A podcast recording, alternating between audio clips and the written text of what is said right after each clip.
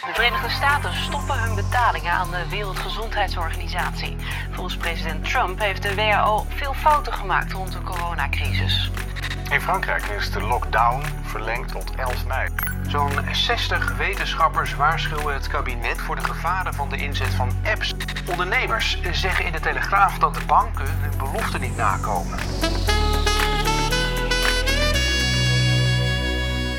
Welkom bij mijn podcast, een 1 2 met Yves. En we zijn nog steeds aan het ondernemen in tijden van corona. Maar er is ook wel positief nieuws. Je ziet dat sommige winkels weer open gaan. Je ziet dat ook in de bedrijven er weer mensen naar kantoor gaan. Er is iets minder angst. Ik denk dat dat goed is. Um, gisteren had ik een heel leuk gesprek met uh, Mickey Hogendijk, kunstenaar. Uh, begon in de fotografie als kunstenaar. Woonachtig in, uh, in Brabant, ehm, in de brandhaard. Dus ze zit daar dan alleen al een maand. Uh, en ja, dat is ook heel inspirerend voor iemand uh, die alleen is. En zeker die een kunstenaar is om hele bijzondere beelden te gaan maken, wat ze voorheen niet deed. Dus ik vind het ook wel mooi om ook te zien dat ook individuen in gesprek gaan met zichzelf. Geconfronteerd ook worden met hunzelf. Ja, en daar toch ook hele mooie, ja, mooie gedachten uithalen. En um, Mickey is in dat opzicht een, een, een, voorbeeld van iemand die de creativiteit op al haar schouders heeft en daar dan ook weer op een hele goede manier mee omgaat. Ik ga zo meteen uh, bellen met uh, Hans Biesheuvel.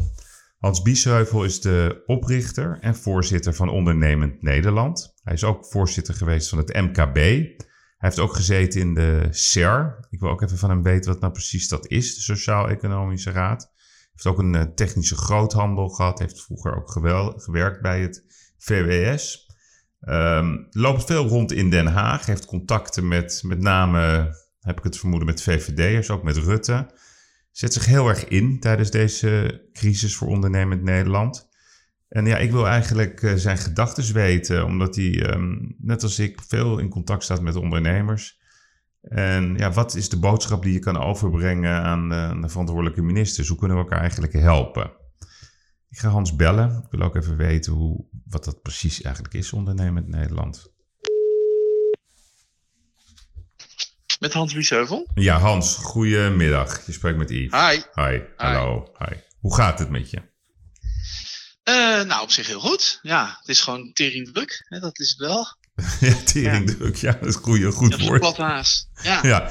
Nee, want wanneer... Um, jij vertelde mij laatst, uh, dat, dat, dat heeft me gefascineerd, jouw opmerking, dat jij 10 maart kwam jij Mark Rutte tegen. En dat ja, was... Even één seconde, ik doe even mijn oortjes in. Moment. Ja, doe, doe rustig aan. Zo, dit is beter. Ja, helemaal goed, helemaal goed. Hey Hans, um, ja. om even te beginnen. Ik, jij maakte laatst een opmerking tegen mij dat jij, jij kwam Rutte tegen op 10 maart uh, bij, ja. in Den Haag. Ja. En toen hadden zij volgens mij nog niet echt het vermoeden wat voor economische tsunami er op ons af zou komen. Hoe ging dat precies? Ja, ik denk dat niemand dat op dat moment nog door had. Ik, ook niet, eerlijk gezegd. Kijk, ik heb zelfs als ondernemer SARS meegemaakt in China. Daar waren we net begonnen. Hmm. En ja, uh, dat was toen even twee, drie maanden heel lastig. En daarna ja, ging het gewoon weer verder. Daar heb ik eigenlijk nooit meer over nagedacht. Hmm. Dus ik had het zelf ook nog in mijn hoofd. Ik dacht, nou ja, corona, ach, SARS, hè, daar komen we wel weer binnenkort overheen. Hmm. Dus ik denk dat we met z'n allen heel erg onderschat hebben. En het is natuurlijk als een soort, ja, inderdaad tsunami, wat je zegt, over ons heen gegolfd. Is iedereen natuurlijk enorm overvallen. Ja. En, en volgens mij ook dus de Rutte en de hele politiek, dat, dat is gewoon zo. Ja, ja, dat hebben ze ook al, natuurlijk al toegegeven. Ja, nee, dat wordt natuurlijk, zo meteen krijg je natuurlijk alle discussies achteraf. Hè? Waarom uh, was Ja. het niet bekend? Waarom hebben we niet dit en waarom hebben we niet dat? En gewoon even, even wat, wat vind jij dan van bijvoorbeeld van een Trump die ehm, besluit om te stoppen met de funding van WHO? Omdat ze gewoon gefaald hebben in zijn eh, belevenis? Nou ja, ik vind, dat, ik vind dat zelf vreemd. Het is een beetje als je huis in de fik staat en de brandweer is aan het blussen, dat je zegt, nou ja, de brandweer uh, ga ik nu even aanpakken. Dus ik zeg, blus eerst het huis eventjes. Uh, zorg dat je hè, brandveilig bent. Dan kan je nog eens nadenken of de brandweer misschien de volgende keer iets eerder kan komen. Ja, maar is dat niet, Oh. is dat niet onze zachte kant in Europa? Dat wij alles polderen. Het is toch gewoon een feit dat, dat de informatievoorziening in Nederland dan het RIVM en wereldwijd WHO, dat dat volledig gefaald heeft over de ernst van, van, van wat er Ja. op ons afkwam. Ja, maar het is zo, we hebben het met z'n allen onderschat. Ja. Het is gewoon, eh, staat gewoon vast. Ja, Ja. nee, maar dan, dan, dan verbaast het mij eigenlijk dat alles wat deze man zegt in de politiek wordt altijd uitgelicht alsof het een een of andere idioot is. Maar hij is de enige die iets durft te benoemen waar wij eigenlijk nu met z'n allen in zitten. Dus ja, Dat is zo, maar tegelijkertijd heeft hij ook... Het tijd lang heeft hij het ontkend dat er überhaupt iets speelde. ja. Zelf. Mhm. Ja, nee, omdat hij gevoed werd natuurlijk op dezelfde manier zoals wij dat. Ben je, ben je de kast Ja. ben je aan het afrekenen? Nou, ik moet even mijn auto verzetten, want mijn dochter die, moest, eh, die moet van het pad af en die, mijn auto moet af. Dus ik Ja, doe ondertussen even... een, een, drukke, een drukke voorzitter. hey, Hans, even, even, even naar, naar eh, een stukje geschiedenis van jouzelf. Jij hebt bij, bij VWS gewerkt. Ehm, je had volgens mij een technische groothandel, die heb je verkocht, hè? Ja, het is al lang geleden hoor. Ja. Je bent voorzitter ook geweest van het MKB. Hoe lang heb je dat Ja. gedaan? Van MKB Nederland. Ja. Eh, even kijken hoor. Zo. Ondertussen. Ja, is alles.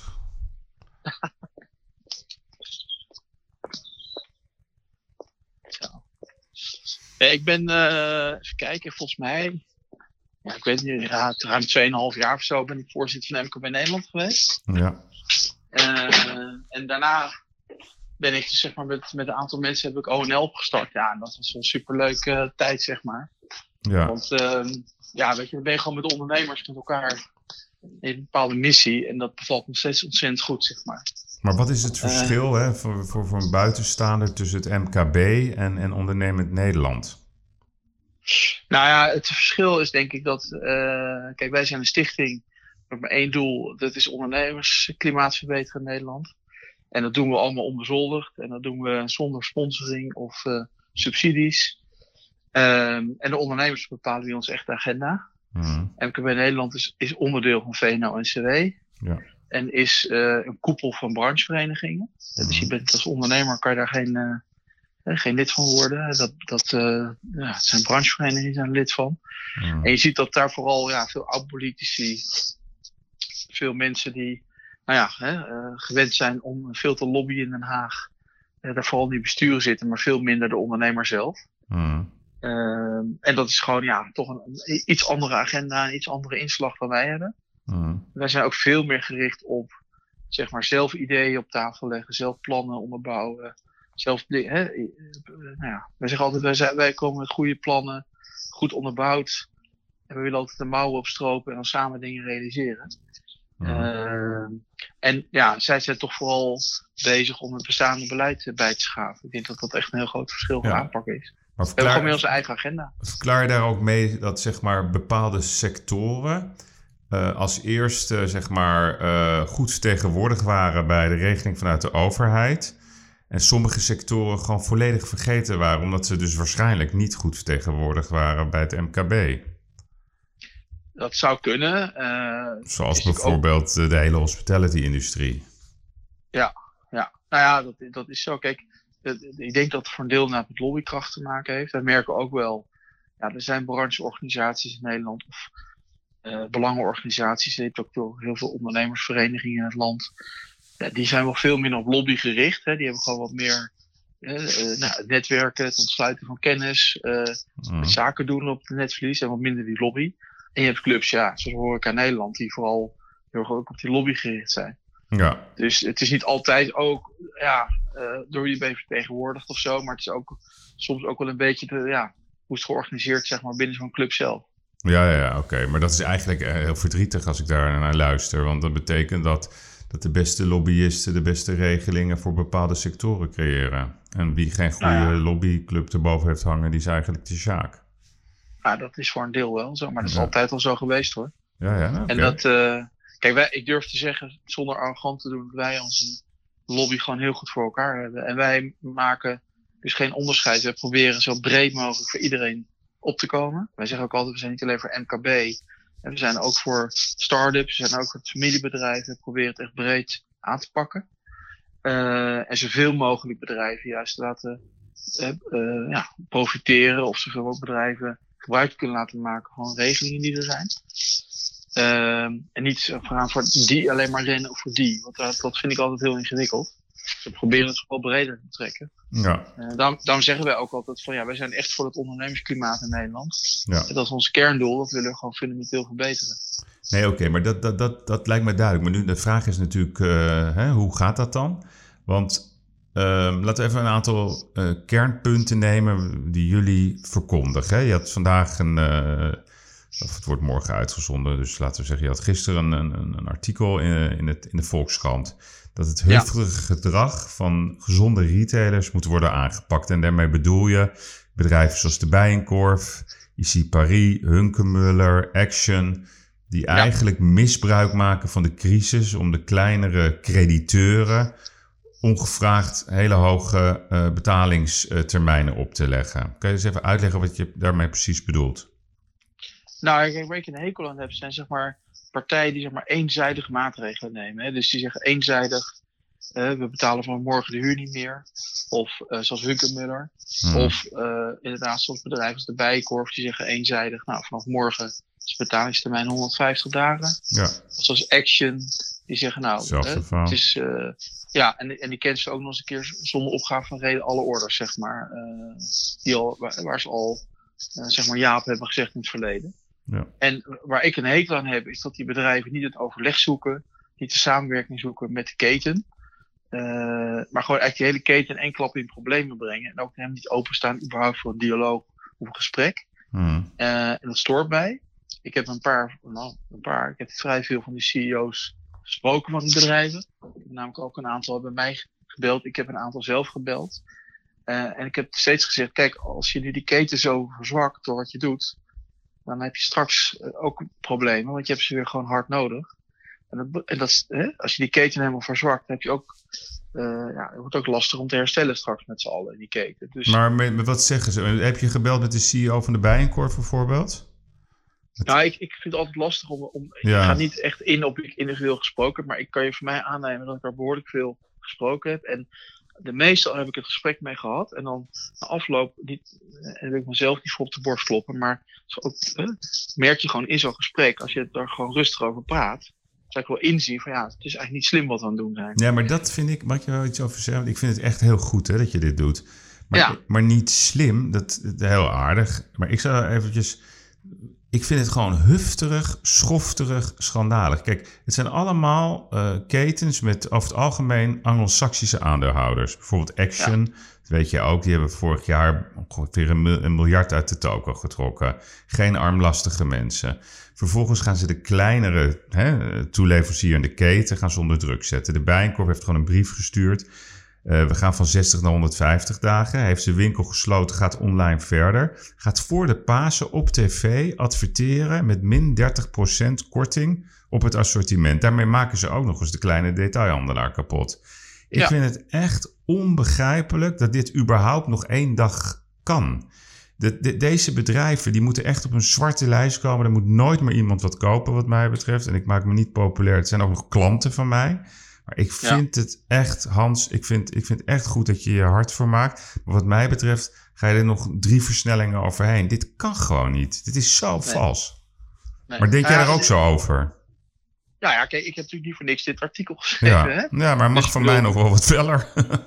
Nou ja, maar goed, natuurlijk mag het. Alleen tegelijkertijd denk ik ook, en dat is een beetje daar ook de ondernemer in mij. Kijk, ik begrijp ook bij wijze van spreken hè, dat je als HEMA, eh, ik noem maar eens even een andere naam, hè, ja, of een Carglass, ja, die hebben ook 50, 60, 70 procent omzetverlies. Dat ze iets moeten, hè, dat begrijp ik wel. ja. En weet je, en daar werken ook eh, duizenden mensen. En als die allemaal werkloos worden, schiet het ook niet op. Dus ik begrijp best dat ze wat moeten. Alleen wat ik tegen die eh, CEO zeg, luister, ik heb geen waardeoordeel over hoe jij je bedrijf leidt. Ik vind alleen het asociaal en gewoon niet kunnen Hm. dat je dat eenzijdig dan vervolgens uitstrooit over je leveranciers. Ga dat gesprek aan. Begin eens te vragen, wat is er mogelijk? Hm. Wat kunnen we onderling regelen in plaats van dat je zo handelt? Ehm, en nou ja, nogmaals, daar is over het algemeen eigenlijk best wel begrip voor als ik dat zo zeg. Ja. Ehm, ja, dat zou ik ook Ze zijn- zeggen. Snap je? ja, nee, oké. Maar goed, weet je, het is ook niet mijn bedoeling om iedereen nu tegen de muur te zetten. Nee. Eh, maar ik, ik, ik, ik erger me natuurlijk wel verschrikkelijk aan. En zeker als je dan hoort dat die ja, dat die gasten allemaal hè, miljarden aan uh, dividenden net uit hebben getrokken. Ja. Ja. dan word je gewoon heel erg boos van. En dat, dat, dat, dat, die, dat sentiment Nee, maar voel ik zelf exact. ook heel sterk. Ja, nee, maar kijk, Ja. je kan natuurlijk niet, eh, eh, bijvoorbeeld de HEMA, dat vond ik heel onterecht hoe Boekman werd aangepakt, want iedereen weet dat hij dat heeft gered met de juiste intenties. Precies. Ehm, daar zaten al, ik geloof, 800 miljoen schulden in. Doet alles eraan om dat bedrijf op te redden. Trekt er geen dividend in. Ik vind ook dat het de overheid is die moet uitleggen wat het. Want de, de massa begrijpt het niet. Die moet uitleggen wat het verschil is tussen, eh, zeg maar, winstgevende instituten met enorme cijfers of concerns die gered zijn en die bezig zijn met een rebranding en rebuilding. Maar die, Ja. die, die, die, die private equity eigenaren die zo diep zitten, zo in action en ook de, de, eh, de Selfridges, eigenaar van Bijenkorf. Dat zijn briljante jaarrekeningen. En die misbruiken, vind ik, de Ja. crisis op een manier die werkelijk waar zijn weerga niet kent. Dat moet Ja. vandaag stoppen. Maar, maar, maar ziet ook de politiek dat? Of is dat weer Rutte die thee gaat drinken bij Shell? Ik vraag me dat echt serieus af. Ja, ik vraag het maar even. ja, maar ja, kijk, weet je, ik ben niet politiek, hè, dus dat moeten ze Nee, zelf... maar je, eh, je, kan, je kan wel invloed uitoefenen natuurlijk. Hè? Je- je- Nou ja, die je mag van mij aannemen. Kijk, het is, we hebben twee weken geleden een, persbericht uitgebracht. eh, vrij indringend. Daar ben ik ook wel met een aantal media mee geweest de dag daarna. Eh, onder andere bij Nieuwsuur, bij Eén Vandaag, maar ook bij BNR. Waarbij we dus ook verhuurders, nou ja, toeleveranciers, noem het maar op. Al die partijen ook hebben opgeroepen, gedraag je. Ga niet eenzijdige maatregelen nemen. We hebben een meldpunt geopend ja. voor, hè, voor retailers, of sorry, voor ondernemers, leveranciers en retailers die in de problemen kwamen. Zeg, meld maar bij mij. Want ik ga je even helpen om, eh, om er doorheen te komen. Of als het moet, ben ik zelf de CEO's op. Heel veel reactie op gehad. Ja. En dat hebben we natuurlijk ook allemaal met de politiek gedeeld. Hè, Met Kamerleden, met ministers. Dus het ligt daar echt op tafel. Nou, eh, daar is ook al in de politiek zijn er veel vragen over gesteld, er is over gesproken. Ehm, en ja, ik hoop eigenlijk, dat, hè, dat is gisteren ook in de Kamer gezegd, ja, eigenlijk zouden die grote retailers moeten verkopen nu. Hè, verbieden eigenlijk om nu een grote uitverkoop te houden. Hè, wat jij net zei over de bijkorf, want dan maakt ze die, die kleine winkeliers no- nog lastiger. Ja. Dus het staat echt op het netvlies van de politiek. Eh, het blijft ook altijd lastig, want ja, je hebt twee private bedrijven die met elkaar zaken doen. En eh, ja, dan is het ook wel weer lastig van politiek om daarop eh, in te grijpen. aan de ja, andere kant, hè, kijk, als je bijvoorbeeld kijkt naar de voetballerij, hè, en Bart- eh, Rob Jansen, bekende voetbalmakelaar, die riep ook in een van mijn podcasts, hij zegt, luister, je kan het vragen, maar het Ja. werkt niet. Je moet het opleggen. Hè? Zoals in Spanje is het opgelegd, bij Barcelona, 70% van het salaris. Nou, moord en brand is daarover geroepen. Maar uiteindelijk begrijpt iedereen dat dat heel normaal is. En ik vind ook dat je niet moet generaliseren. Dat zei Ronald de Boer goed op tv. Nederland wordt er helemaal niet zoveel verdiend buiten een kleine groep spelers. Maar ik denk dus niet, hè, dus met alle beste bedoelingen, eh, als je dat vraagt, hè, doe dat nou. Ik denk, ik denk dat, ze, dat ze eigenlijk gewoon de mensen die hun dat vraagt gewoon uitlachen. En dan gaan ze weer over tot de orde van de dag, zolang het kan. Ja. Ik denk Ja. dat je dat gewoon politiek gewoon echt gewoon moet dwingen. En ik denk dat iedereen het daar ook mee eens is. Nou goed, eh, la- laat, laat ik het even hier behouden. Kijk, ik ben Ja, dus in oké. gesprek in Den Haag hierover. Ja, oké, nou heel goed. Eh, nee, ik, de- eh, de- ik doe een beroep de- op je. Ik doe een beroep op Ja, nee, heel goed. Nou, het mag ook. Dat is Ja. goed dat je dat doet. Ik, kijk, laat maar zeggen, dit stuk in de Volkskrant is niet Nee. in stilte in Den Haag voorbij gegaan. Heel Neem goed. dat voor mij maar aan. Oké, Ja. mooi. Tweede punt. Red de DGA. Wat bedoel je Ja. Nou, kijk, wat ik nu zie is dat er eh, natuurlijk allerlei dingen gebeuren. We zijn bezig met eh, nou ja, maatregelen voor die loonkosten. We hebben alle lo- loketten geopend. Ik denk ook heel goed, hè, reddingsboeien. Alleen ik zie dat de, zeg maar, de gemiddelde directeur, groot aandeelhouder, toch een beetje tussen wal en schip valt. Eh, want die komt niet in aanmerking voor die NOW-regeling. Ook niet eh, voor die TOZO-regeling, tenzij je echt helemaal niks meer hebt, zeg maar. Nou, de gemiddelde DGA, die eh, kan soms nog wel, wel, even op privépotjes. Kan misschien op eh, eh, een, inkomen van een partner terugvallen, noem het maar op. Maar ik vind het zelf lastig. Dat er zijn natuurlijk ook heel veel ondernemers, kleinere ondernemers, die gewoon een BV hebben. Zichzelf gewoon voor ook loonbelasting betalen. en nu nergens voor een aanmerking komen. En dan vooral die bedrijven waar die omzet in één keer naar nul gegaan is. En waar je ook verplicht gesloten bent. Nou, zie ik toch een hele lastige situatie ontstaan. Dus ik heb in elk geval eh, ook ja, voor die positie van de DGA begrip in Den Haag gevraagd. Dat hoeft voor mij niet voor topsalarissen. Maar in ieder geval hè, tot het gebruikelijk loon, nou dat is 46.000 euro in Nederland. Dan ben je eigenlijk verplicht in je BV zelf een loon op dat niveau uit te keren. Uh, vind ik eigenlijk dat er ja, mogelijkheden moeten zijn, ook voor DGA's, omdat het echt niet anders gaat, om daar inkomensondersteuning voor te bieden. Nou, er is bij een deel van de politiek begrip voor. En vooral bij het CDA en de VVD. En bij een deel Niet. van de politiek, zeg Ja. maar links, helemaal niet. Die hebben het beeld van een DGA als iemand met een hele dure auto. En Ja. is een soort CEO van een groot bedrijf. Ja. Dus dat is een lastige, taaie discussie. Ja, maar daar zit nou precies dat, wat, dat punt wat ik bedoel. Dat uitleggen van de politiek, het verschil tussen de rijke eh, multinationals met de bonus en de zakkenvullende eh, CEO's. En het geldt ook nog steeds voor heel veel banken. En gewoon de ondernemer op de hoek, die misschien 50.000, die is ook een DGA vaak hè.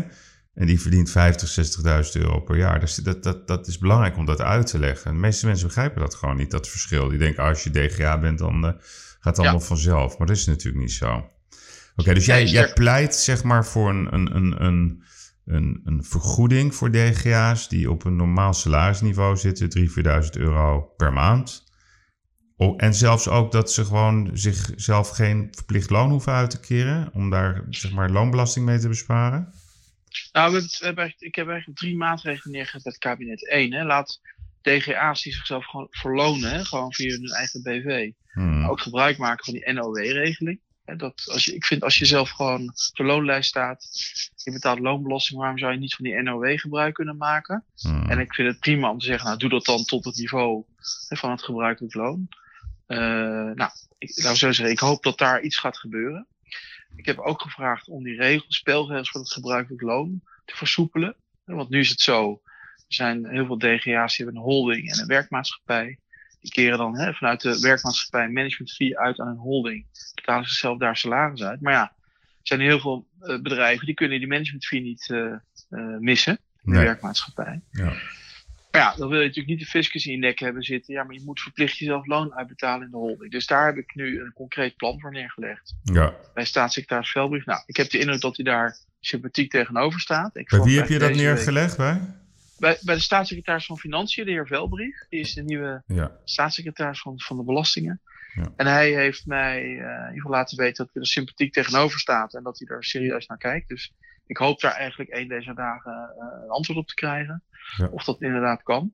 En dan, dat zouden in ieder geval twee maatregelen zijn. Hè? Dus maak gebruik van die NOW-regeling. En versoepel de regels voor het gebruikelijk loon. En dan kun je DGA's, en dat zijn er heel wat in Nederland, eh, in ieder geval een klein beetje lucht geven om er doorheen te komen. Ja.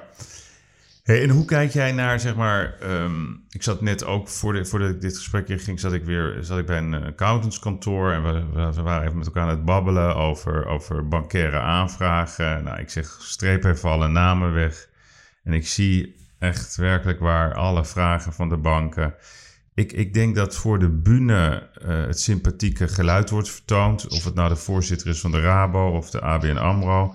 Maar achter de schermen is het echt hoofdpijndossiers voor echt heel veel ondernemers. Honderden vragen, garantiestellingen die ze niet kunnen geven. Ik durf de, stelling aan dat banken zich nog steeds misdragen. Hoe zie jij dat? Ehm, ja, kijk, het woord misdragen, dat, dat gebruik ik niet. Maar. eh, ja, ik merk dat jij heel politiek correct bent. Nou, nee, maar ik vind, het, ik vind het net niet helemaal het goede woord. Kijk, het is, het is duidelijk dat het gewoon lastig is. Hè? MKB'ers, eh, ZZP'ers, eh start-ups en de bank, dat is niet de beste, de beste combinatie op dit moment. Ehm, het lastige is, je hebt natuurlijk maar drie banken in Nederland waar je überhaupt terecht kan. En het onderscheid tussen die banken is ook heel erg gering. Ehm, en het lastige is, ja, ze hebben zich de afgelopen jaren natuurlijk eigenlijk een beetje van een MKB afgekeerd. Dus, eh, 2008 er is ook, hè? Gewoon Ja, een herhaling van allemaal- zetten. Ja, precies. En het moet ook allemaal op afstand en digitaal, en liever geen persoonlijk contact meer. Mm, Kijk, ik vind dat, waarom ik het woord misbruiken of eh, misdragen. misdragen niet, niet in de mond neem, is omdat ik wel vind dat ze met die actie van ja, zes maanden hè, niet aflossen en geen rente betalen, dat ze wel een goede zet hebben gedaan. Dat is voor heel veel bedrijven een enorme opluchting, merk ik. Dat ze die last even niet in hun nek hebben hangen. Ehm, maar goed, we staan nu natuurlijk wel voor een recessie. En heel veel bedrijven die hadden er niet op gerekend dat ze nu eh, extra krediet nodig hadden. Ook heel veel familiebedrijven hoor ik dat van. Nou, die hadden eigenlijk de afgelopen jaren de bank nauwelijks of niet nodig. Nee, exact. Maar ja, Als in één keer je omzet op nul staat, dan, eh, ja, dan wordt het natuurlijk heel lastig. Het moeilijke is nu dat als je geen klant bent bij de bank, kom je gewoon niet binnen. Hè, dus Nee. ik heb al talloze brieven, honderden mails van mensen die zeggen, ja, ik kom gewoon niet eens binnen. Ze zeggen gewoon, nieuwe klanten doen we op dit moment niet aan. Nee. En ik denk dat er heel erg veel, veel bedrijven zijn in Nederland die gewoon nu nergens terecht kunnen. Dus ik heb ook gisteren daarom, dat stond gisteren in de Telegraaf, de hoofd, eh, de, de opening van de krant was, de kredietellende bij ondernemers. Ehm, want ik zie dat die kredietellende heel snel toenemen. Mhm. Eh, Ik pleit voor eh, een paar dingen. Eén, dat de banken heel snel hun capaciteit gaan opschalen. Een groep net als in de zorg, maar duizend ex-bankiers terug. Eh, en, ga, en zet die aan het werk. Zorg dat je met al die ondernemers snel in gesprek gaat. Ja. En ga heel snel overbrugingskredieten verstrekken. Tegen gewoon hele normale voorwaarden. Want ze kunnen lenen tegen 0%. Ja. De overheid staat voor het grootste deel garant. Maar ja, ze moeten gewoon capaciteit opvoeren. Dat is heel simpel. Ja. Eh, en het lastige is dat ze natuurlijk om aan, ja, je moet aan allerlei eisen voldoen. Maar ja, er zijn maar weinig bedrijven die nu een jaarrekening kunnen overleggen met een accountsverklaring of een liquiditeitsbegroting kunnen maken. Ik zou niet weten hoe je dat doet als je dicht bent. Eh dat kan zelfs op dit moment de, de KLM niet of Corendon niet. Dus laat staan eh gemiddelde MKB'er. Dus ik denk dat ze net als de overheid bij een aantal van die loketten op vertrouwen moeten gaan werken. Eh, Zo ging het en vroeger, hè? Het, het mooie is Ja. dat het vro- vroeger in de tachtiger jaren ging het zo. De bankier had Ja. een bepaalde vrijheid, meestal tot een miljoen. Ja. En dat ging echt gewoon op basis van het vertrouwen. Ja, klopt. En, da- en dat zal terug moeten, want anders wordt het ontzettend, eh, Ja, ontzettend lastig. maar dat vind ik een hele. Eh. dit, persoonlijk vind ik dit echt een hele interessante stelling. Het is altijd goed gegaan in de 80 90 jaren. Ja. Kredieten werden gegeven, de bankiers hadden ontzettend veel vrijheden. Die werden gewaardeerd, die werden gerespecteerd. Er was niet de bonuscultuur die daarna allemaal is gekomen. En dat ging eigenlijk overwegend hartstikke goed.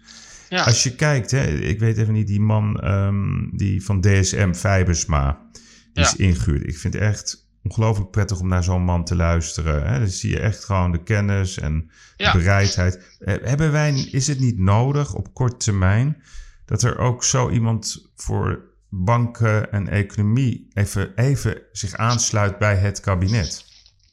ja nou, ik heb ervoor gepleit. Eh, het is leuk dat je dat zegt. Mhm.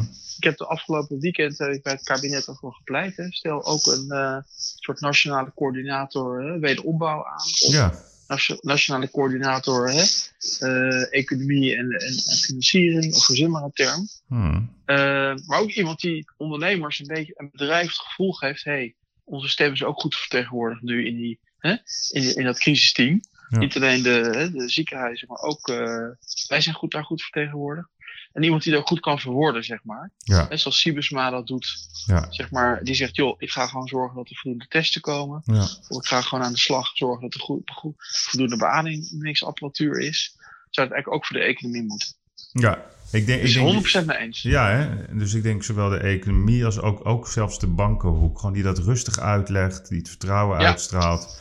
Oké, Ja. nou mooi. Want ik moet je zeggen, die, die, ik had nooit van de man gehoord, maar die, die, dat is een, gewoon een genot om naar die man te kijken. Dat geeft gewoon rust en ik denk dat dat nodig is. En als je dan kijkt naar, hè, want jij zegt dat over die bank, hè? Want dat is volgens mij een ongelooflijk urgent punt. Want jullie hebben zelf Ja. een onderzoek gedaan. En uit dat onderzoek, wat eh, had ik eh, eventjes bij jullie bekeken. Ja. Eh, daar zegt 64% van de ondernemers dat ze binnen drie tot vier maanden liquiditeitsproblemen verwachten. Dus dat moment, dat komt eraan natuurlijk. Hè, met, straks met de vakantiegeldperiode. Ja, ja, ja. Dus dat is dichter in de buurt dan dat volgens mij de politiek zich realiseert. Dat kan tot een ongelooflijk eh, domino-D-Day-effect gaan leiden. Is Nou dat ja, besef er? Nou ja, het is niet voor niks dat ik gisteren hè, de voorpagina van de Telegraaf gezocht heb. Mhm. Eh, en eh, omdat ik al, al tien dagen lang aan beuken ben hierop.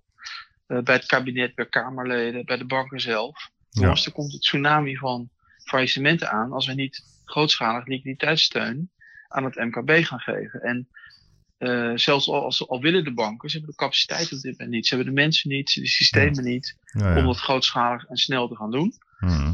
Ehm, nou, ik ben die druk enorm aan het opvoeren.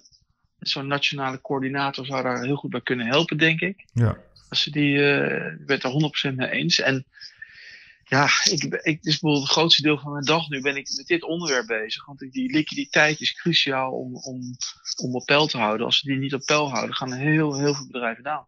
Ja.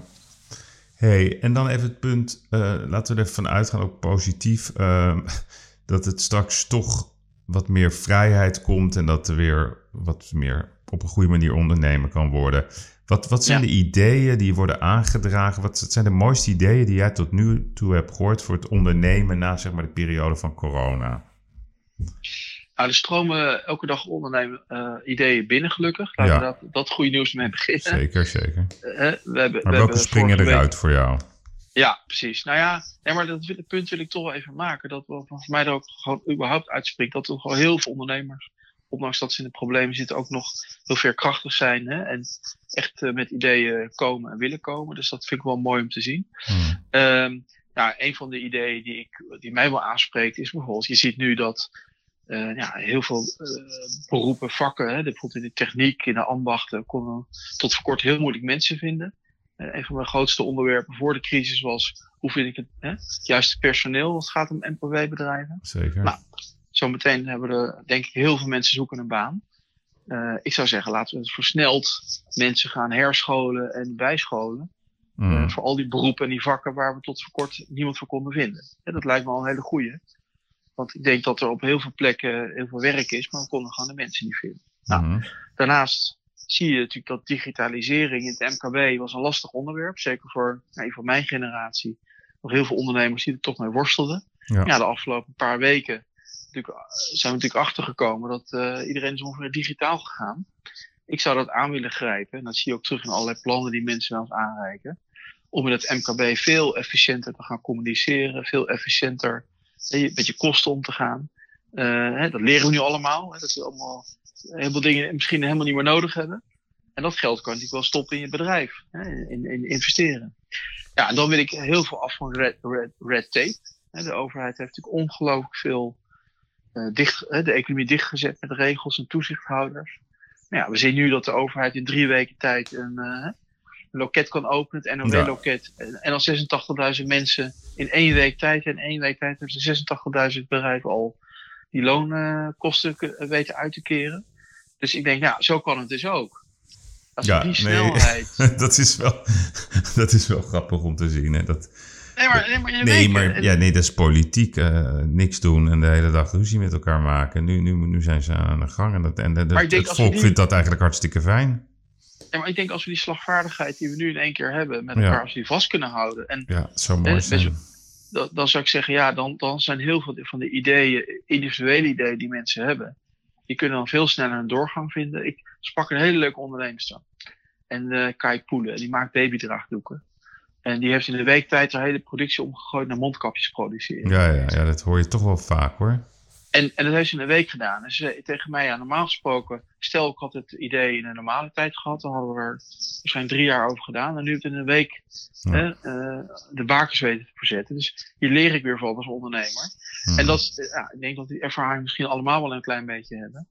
Eh, en ja, ik hoop dat zeg maar die slagvaardigheid, ja. eh, dat ze die ook een beetje met elkaar vasthouden. En, en, en bijvoorbeeld de, de SER, hè? want dat is mij even. Jij hebt ook ooit in de SER toch gezeten? De Sociaal-Economische... Ja, ja, wat, wat doet die? Wat doen die? Wat is dat precies? Ja, de SHARE is een sociaal-economisch adviesorgaan van, van de politiek, van het kabinet. Ja, Dus dat gaat over sociaal, hè, dat gaat over ja, de toekomst van het pensioenstelsel of eh, ja, eh, ja, het ontstaan van flexwerk. Dat zijn meerdere onderwerpen die daar dan spelen. Hm. Eh, de SER speelde vroeger een hele dominante rol. Tegenwoordig in de huidige generatie politiek ziet de SER veel minder als eh, nou ja, een noodzakelijke eh, adviesorgaan. ja. Het is meer nice to have dan need to have. Zo kan je Nee, het eigenlijk meer precies. zien. Maar waarom ik het vraag, hè, want ik zou straks ook aangeven, ik zou, ik zou het ook goed vinden als een soort ondernemers-SER zou komen. Maar ik vraag het omdat Barbara Baarsma, die zit ook Ja. in de SER, hè, die is ook van de Rabobank. En, en toen die, die beruchte eh, speech van Rutte was, hè, over die, die groepsimmuniteit, hij heeft dat toch echt gezegd. Ik bedoel, met alle respect, ik, ik vind hem echt een super, superman. Maar hij heeft toen wel iets gezegd waar ik dacht van ja, wat een rare opmerking. En een minuut daarna werd, werd hij vurig, eh, zeg maar, geprezen door Barbara Baarsma. Zit ik dan naar een 1-2'tje te kijken? Dat is wat ik me achteraf afvroeg. Denk jij dat dat zo werkt? Jij weet dat, want jij hebt in de SER gezeten. ja. Nou, volgens mij is de band tussen, tussen Rutte en de SER niet heel erg innig. Oké. Eh, dus in, in dit geval denk ik niet dat het zo is. Ik geloof dat niet. Ehm, maar eh, ja, het is natuurlijk wel zo. Ik bedoel, eh, was dit geval weet ik nagenoeg zeker dat het niet een 1 2 was. Ehm, maar het is, het is natuurlijk wel zo. Je ziet inderdaad natuurlijk wel vaak 1 2 ontstaan. Hè? Dat, is, Mhm. dat is zo. Ja. Zo werkt politiek, maar zo werkt het in de hele wereld, heb ik ontdekt. Zeker, Niet zeker. alleen in Nederland. Dus eh, ja, het hoort er een beetje bij, denk ik. Oké. Hey, en dan, en dan tenslotte, hè, je, gaat al een tijdje mee, eh, alle facetten van het leven gezien, alle crisissen meegemaakt. Wat is nou jouw tip voor die jonge ondernemer, die jonge manager die dit voor het eerst meemaakt? Hoe kom je zo'n crisis door? Nou ja, in elk geval, het klinkt als een open deur, maar vooral in beweging blijven. Blijf praten met je klanten, met je leveranciers, met je partners. Hè, want ja, dit is wel de tijd om, om hè, goed eens te kijken van ja, hoe waren we tot nu toe bezig en ja, waar liggen de kansen zo meteen weer? Want kijk, je zal zien, dat zie je bij elke recessie, dat er toch weer nieuw, nieuwe hè, markten ontstaan, nieuwe combinaties van bedrijven, Hmm. eh, ketens eh, ingrijpend op de schop gaan. Dat zal nu ook gebeuren, daar ben ik van overtuigd. Ja, eh, vooral ontzettend goed opletten. En, en dat doe je toch door al die partijen die net noemde goed in gesprek te gaan. En met elkaar te kijken, wat kunnen we nou doen om de zaak zo meteen weer op gang te krijgen. Eh, wat kunnen we, hoe kunnen we de zaak opstarten zo meteen? Hoe kunnen we dingen slimmer doen? Hoe kunnen we een inhaalslag misschien maken? Wat ik net al zei over die digitalisering. Heel veel bedrijven ontdekken nu ineens hè, dat ze een stuk efficiënter kunnen werken met elkaar, op kosten kunnen besparen. Nou ja, pak dat nu aan. Als zo meteen het weer gaat lopen, dat je gewoon eh, vol, als de kansen er zijn, erop kan springen en, en kan gaan. Dat Ja. is volgens mij nu het belangrijkste wat je kan doen als ondernemer. Helemaal goed. Nou, ik wil je danken even voor de tijd. En ga door met het goede werk. Het heeft mijn steun. En eh, we gaan het volgen op afstand. Ja, nou, bedankt voor het gesprek. Vond het hartstikke leuk. Heel goed. Oké, dankjewel Hans. Succes hè. Oké, hi. Bye bye.